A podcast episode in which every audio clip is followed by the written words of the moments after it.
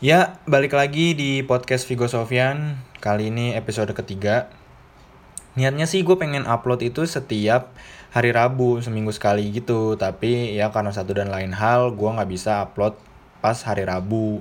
Gue pengen nih upload uh, hari selanjutnya aja, hari Kamis.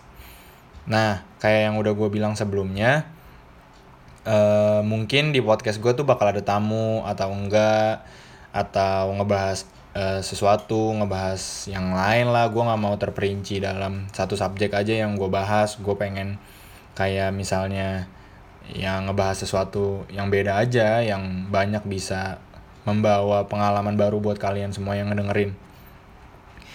Uh, gua karena pengen upload hari Kamis kayaknya seru juga ya kalau gua ngebahas tentang horor malam Jumat karena eh, kan kemarin udah tentang rantau tuh ya kan anak rantau nah gue pengen nih lihat nih dengan uh, subjek horor atau subjek anak rantau mana yang pendengarnya lebih banyak mungkin kalau misalnya pendengarnya lebih banyak tentang horor ya gue akan sering bikin podcast tentang horor dan gue bakal ngundang tamu-tamu yang bisa ceritain tentang pengalaman horor mereka. Nah kalau misalnya banyak yang dengerin tentang rantau ya ya udah perbanyak tentang uh, konten itu. Kali ini kita akan ngebahas tentang horor.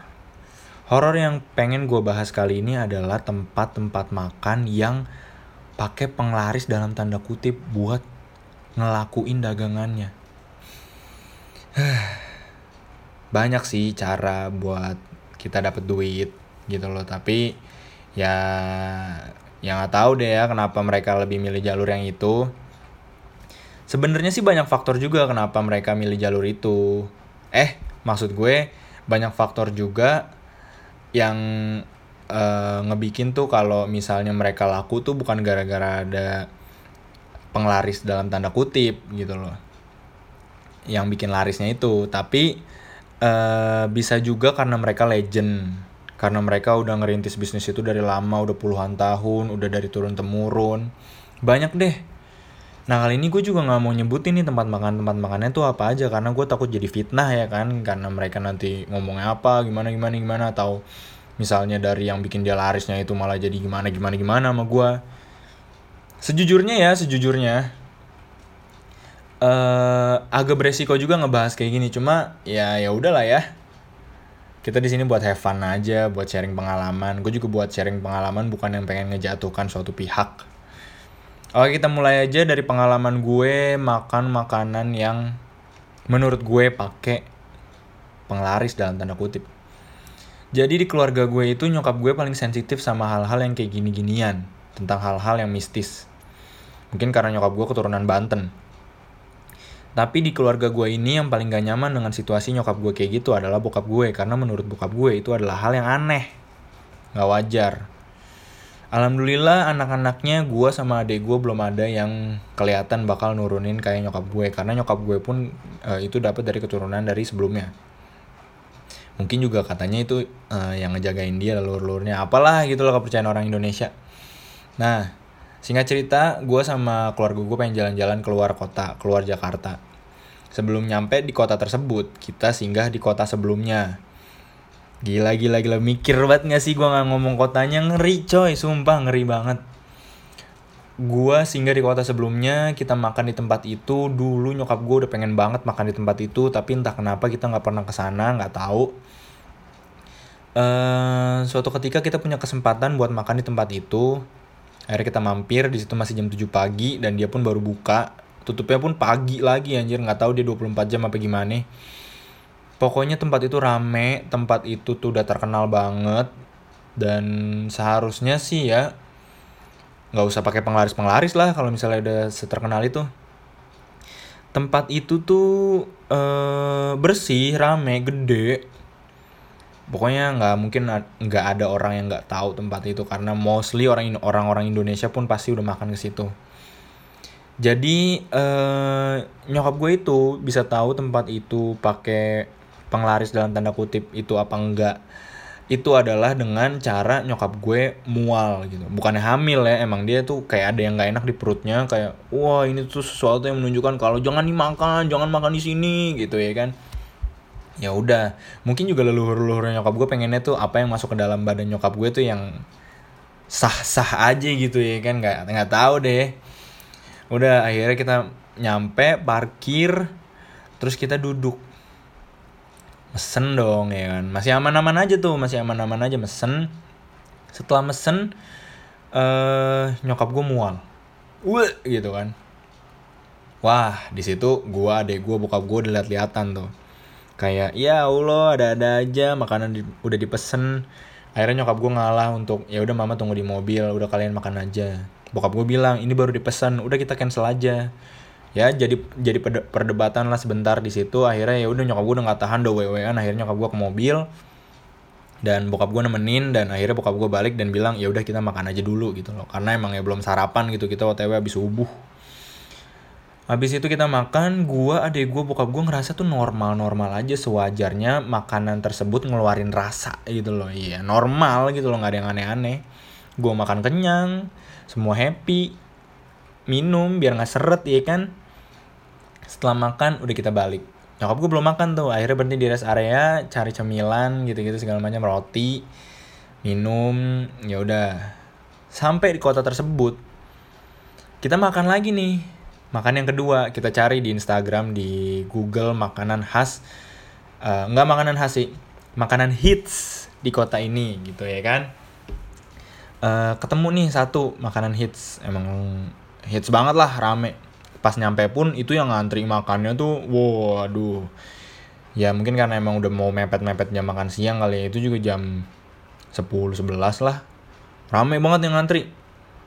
Akhirnya gue adek gue bokap gue itu nyari bangku nyokap gue yang ngantri. Nah setelah dapet bangku bokap gue nemenin nyokap gue ngantri ya kan? Kurang ajar banget gue sama adek gue ya bukannya gue sama adek gue yang ngantri malah orang tua yang ngantri. Tapi emang gitu nyokap gue tuh kadang suka aneh sama pesenannya pesanan makanannya dia makanya kayak ya udahlah lu pesen aja sendiri. Pas uh, ngantri step by step mulai ngedeket ke orderan tempat ngordernya pas udah selisih dua orangan lah kalau nggak salah. Nyokap gue mual. Weh. wah gitu ngaco kan. Akhirnya bokap gue ngerasa kayak ini bener mah. Iya mama nggak enak. Ya udah akhirnya bokap gue ngasih kode ke gue sama adik gue kalau cabut gitu ya kan. Pas di mobil nyokap gue masih wewean akhirnya gue tanya kenapa ya? Gitu lagi. Iya itu belum makan kali. Gue bilangnya gitu kan karena ya emang belum makan gitu loh. Kita udah makan tadi sebelumnya dan dia emang belum makan sama sekali tapi enggak karena emang nyokap gue tuh ngeliat tuh tempat makannya kotor gelap gitu loh. Tapi ada juga yang outdoor dan kita makan yang di outdoornya kita duduk yang di outdoornya Abis itu akhirnya gue tanya dong gue penasaran namanya gue emang mama ngeliat apa sih? Mama ngeliat yang bikin larisnya itu? Enggak mama tuh ngeliat makanannya gede-gede. Waduh ngaco gak sih? Harusnya tuh makanan kagak gede-gede. Karena ini makanan makanan nyantai lah gitu loh. Nggak nggak makanan berat-berat banget. Abis itu uh, kita balik ke Jakarta. Uh, normal-normal aja pas itu ada lagi nih cerita. Nyokap gue jalan sama temen-temennya. Keluar kota lagi. Abis itu dia makan tuh di pelosok banget di kampung lah. Kampung kayak misalnya ini Jakarta nih. Nah Bundaran HI itu eh, tengah kotanya. Nah ini di pinggiran Jakartanya di mana nggak tahu dah tuh. Tapi ini nggak di Jakarta. Makannya mie. Nah pas nyampe bukan Indomie nih ya emang mie gitu loh mie, mie spesialnya daerah situ. Nyampe tempatnya jauh tapi banyak mobil-mobil rame lah pokoknya. Terus tempatnya juga kotor gelap kan nyokap gue bilang pas sudah mesen makanan dia duduk rame-rame sama temennya terus makanannya datang dia bilang ih kok banyak ya yang mau makan di sini? Tempatnya jorok kotor terus kayak ada yang nonjok nyokap gue dong dari belakang buk gitu. Wah ngaco. Pas nyokap gue liat ke belakang kagak ada apa-apaan kagak ada siapa-siapa. Nyokap gue udah mulai aneh tuh di situ udah ngerasa aneh. Akhirnya dicobain kuahnya. Hmm nggak enak juga. Wah di situ nafsu makan nyokap gue udah hilang. Dia benar-benar cuma nyeruput kuahnya dibungkus dan makanannya dikasih ke mbak gue Abis itu pulang nyokap gue gak enak badan, kayaknya kesambet. Nah, bude gue ini tinggal sebelah rumah gue. Dia itu bisa ngurut mijet nyokap gue kalau misalnya nyokap gue kesambet gitu lah. Atau gue kesambet, atau siapa pun anggota keluarga gue kesambet. Dia bisa.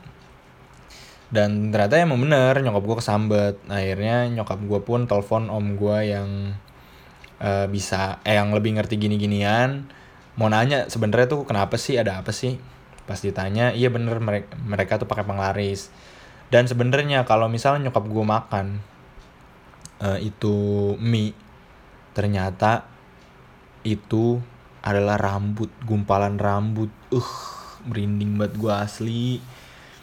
Jadi itu yang sebenarnya kalau mungkin ya kalau tempat-tempat yang pakai penglaris itu tuh sebenarnya tuh makanan yang dia jual tuh nggak seperti apa yang kita lihat dan nggak seperti apa yang kita rasain gitu ya. Sebenarnya jahat sih mereka. Mereka ngambil jalan pintas untuk cepet sukses tanpa adanya proses. Ya nggak tahu deh tapi kan menurut gue kan setahu gue tuh kalau misalnya mereka kayak gitu-gitu kan mereka juga harus mengorbankan sesuatu ya kan? Kayak entah apanya lah. Tumbal kayak atau apa gue nggak ngerti ya gue nggak pernah kayak gitu-gituan uh, kalau di Jakarta tuh pengalaman makan gue yang pernah pakai gitu-gituan tuh di mana ya? Lupa sih gue. Lupa asli. Yang paling gue inget tuh itu aja karena ya nggak tahu ya yang paling berkesan kali ya atau bukan bukan berkesan ya paling terngiang dan gue benar-benar ngeliat sendiri juga gitu kan mungkin uh, tentang cerita-cerita makanan-makanan yang pakai penglarisnya sampai sini dulu. Tapi kayaknya nih pendek banget podcastnya kalau horor yang ngebahas itu doang. Kayak kurang serem. Oke kita lanjut ke pengalaman horor gue selanjutnya. Gue cerita komplek gue deh. Gue tinggal di Pulau Gebang. Pulau Gebang Permai, Jakarta Timur ya, bukan Bantar Gebang. Tolong, tolong orang tuh suka salah bilang Pulau Gebang itu mikirnya Bantar Gebang, beda banget. Pulau Gebang di Jakarta, Bantar Gebang di Bekasi, ya kan? Orang sih banyak bilang Pulau Gebang itu tempat jin buang anak, tapi ya hello mau buang di mana? Udah banyak rumah sekarang di sini, banyak taman juga, program pemerintah, ya kan? Mohon maaf. Dulu emang ada tempat sampah, kayak uh, tem tempat sampah yang per blok gitulah, yang orang suka buang kayak gitu. Tapi sekarang udah rapi semua, udah rapi, bener udah rapi lah. Ibaratnya nih ya, uh, daerah Menteng pun kalah sama sini. Terus uh, eh, gue pengen cerita waktu itu di de dekat rumah gue di komplek gue ada yang meninggal. Meninggalnya misterius. Jadi yang meninggal ini kita sebut aja si A ya. Dia itu si A ini tinggal sendiri di rumah. Dia tuh orangnya suka keluar rumah halaman, keluar halaman gak keluar rumah. Pakai underwear doang. Makanya waktu itu gue pernah lihat ada graffiti coret-coretan di tembok rumahnya tuh rumah orang gila. Kayaknya itu bocah-bocah yang iseng aja kayak gitu. Eh terus beberapa hari kemudian setelah gue ngeliat coret-coretan itu ditambahin kata bukan di sebelum rumahnya itu. Jadi bukan rumah orang gila gitu. Dia klarifikasi gitu loh. Mungkin dia nggak punya YouTube ya kan atau nggak punya podcast buat nggak klarifikasi semua ini. Dia kayak gitu. Nah tetangganya dia ini sebelah kanan rumahnya itu itu saudaranya. Itu saudaranya uh, saudaranya pun udah berkeluarga tapi si A ini masih sendiri. Habis itu ya udahlah singkat cerita uh, gue dapet cerita ini dari waktu kejadian dia meninggal ada yang cerita kenapa bisa ketahuan dia meninggal. Jadi dia tuh meninggal nggak ada yang tahu gitu dia meninggal di dalam rumah sendiri. Diem diem aja. Nah dia tuh uh, saudaranya tuh dari daerah sisi lainnya Jakarta sisi lainnya Jakarta. Pokoknya di Jakarta Utara ya. Kita kan di Jakarta Timur nih mohon maaf anak Timur. Dari Jakarta Utara ngabarin ke si saudaranya yang udah berkeluarga ini kalau si A apa kabar nih? Udah lama nggak ada kabar ya kan? E, coba dong lu tanya. Terus kata yang udah berkeluarga ya udah lu datang aja ke sini kita main bareng-bareng ke sana. Udah main deh nih datang ya kan. Pas datang main nih ke rumah sebelah nih ke rumah si A ya kan pas main buka pintu udah banyak belatung di ruang tamunya. Uh, uh.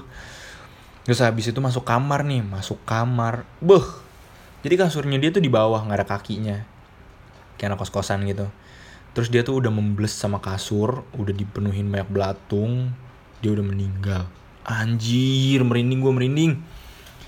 Dia udah meninggal langsung dikontak sama temen eh temennya saudaranya itu ditelepon polisi saudaranya nelfon polisi buat ya ngurus nih kayak gini-ginian. Akhirnya polisi datang naburin bubuk kopi mungkin bau banget ya di sana. Uh, terus polisi ngambil manggil ambulans.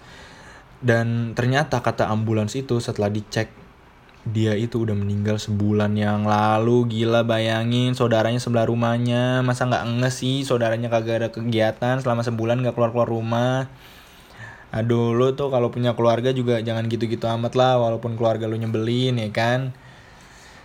Terus uh, ditanya dong ke rumah yang sebelah kirinya nih.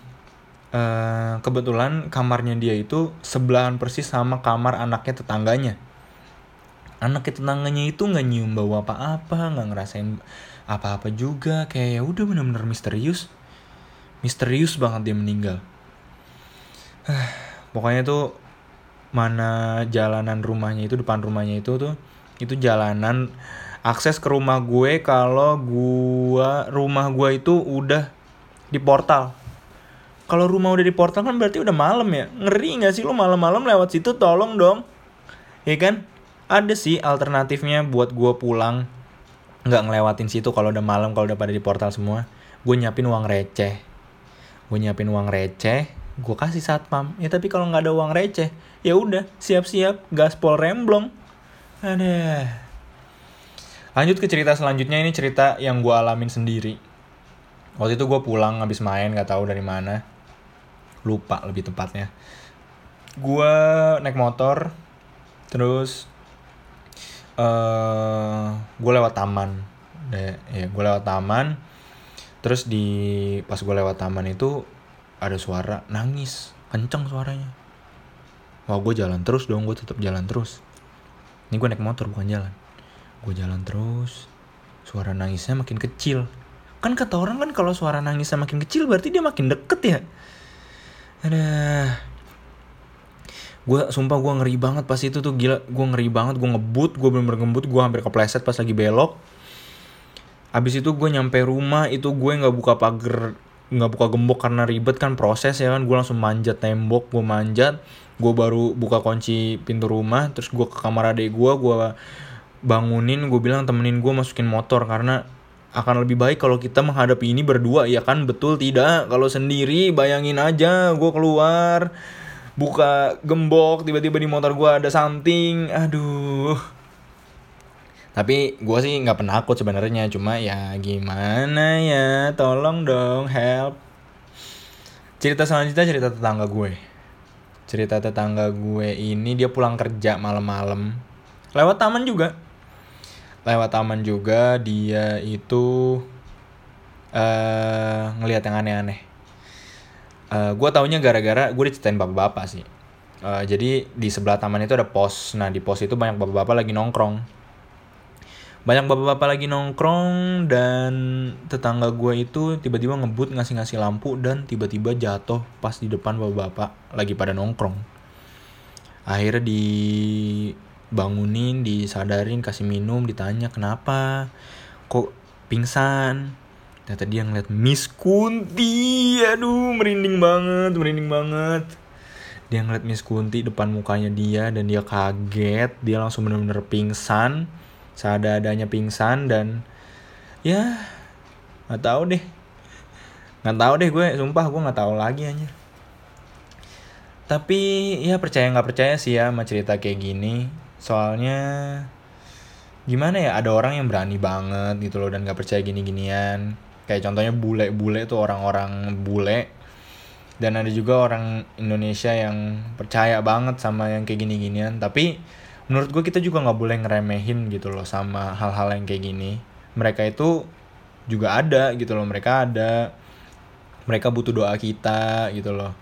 Dan mungkin juga mereka itu adalah dari suges rasa takut yang ada di dalam diri kita. Pokoknya apa pun itu sih pesan dari gue kita nggak boleh ngeremehin ya karena mereka pun juga punya uh, spirit ya mereka juga punya kekuatan buat uh, kalau ya lu gimana sih kalau lu nggak dihormatin gitu loh? Mereka juga mungkin nggak minta dihormatin ya cuma seenggaknya nggak usah ngeganggu juga gitu loh. Ya banyak-banyakin ibadah aja makannya sholat jangan banyak-banyakin maksiat ya kan? Aduh gua kok jadi kayak ustad pokoknya cerita horor kali ini podcast Vigo Sofian dengan hashtag horor kayaknya cukup sampai di sini kita ketemu di episode selanjutnya. Di episode keempat. Nggak tahu gue bakal bahas apa. Bakal sendiri atau ada tamu nggak tahu. Pokoknya tetap dengerin podcast Vigo Sofian. Dan semoga ada yang bermanfaat dari cerita-cerita gue omongan gue omongan tamu-tamu gue. Jangan lupa ya share ke teman-temannya. Thank you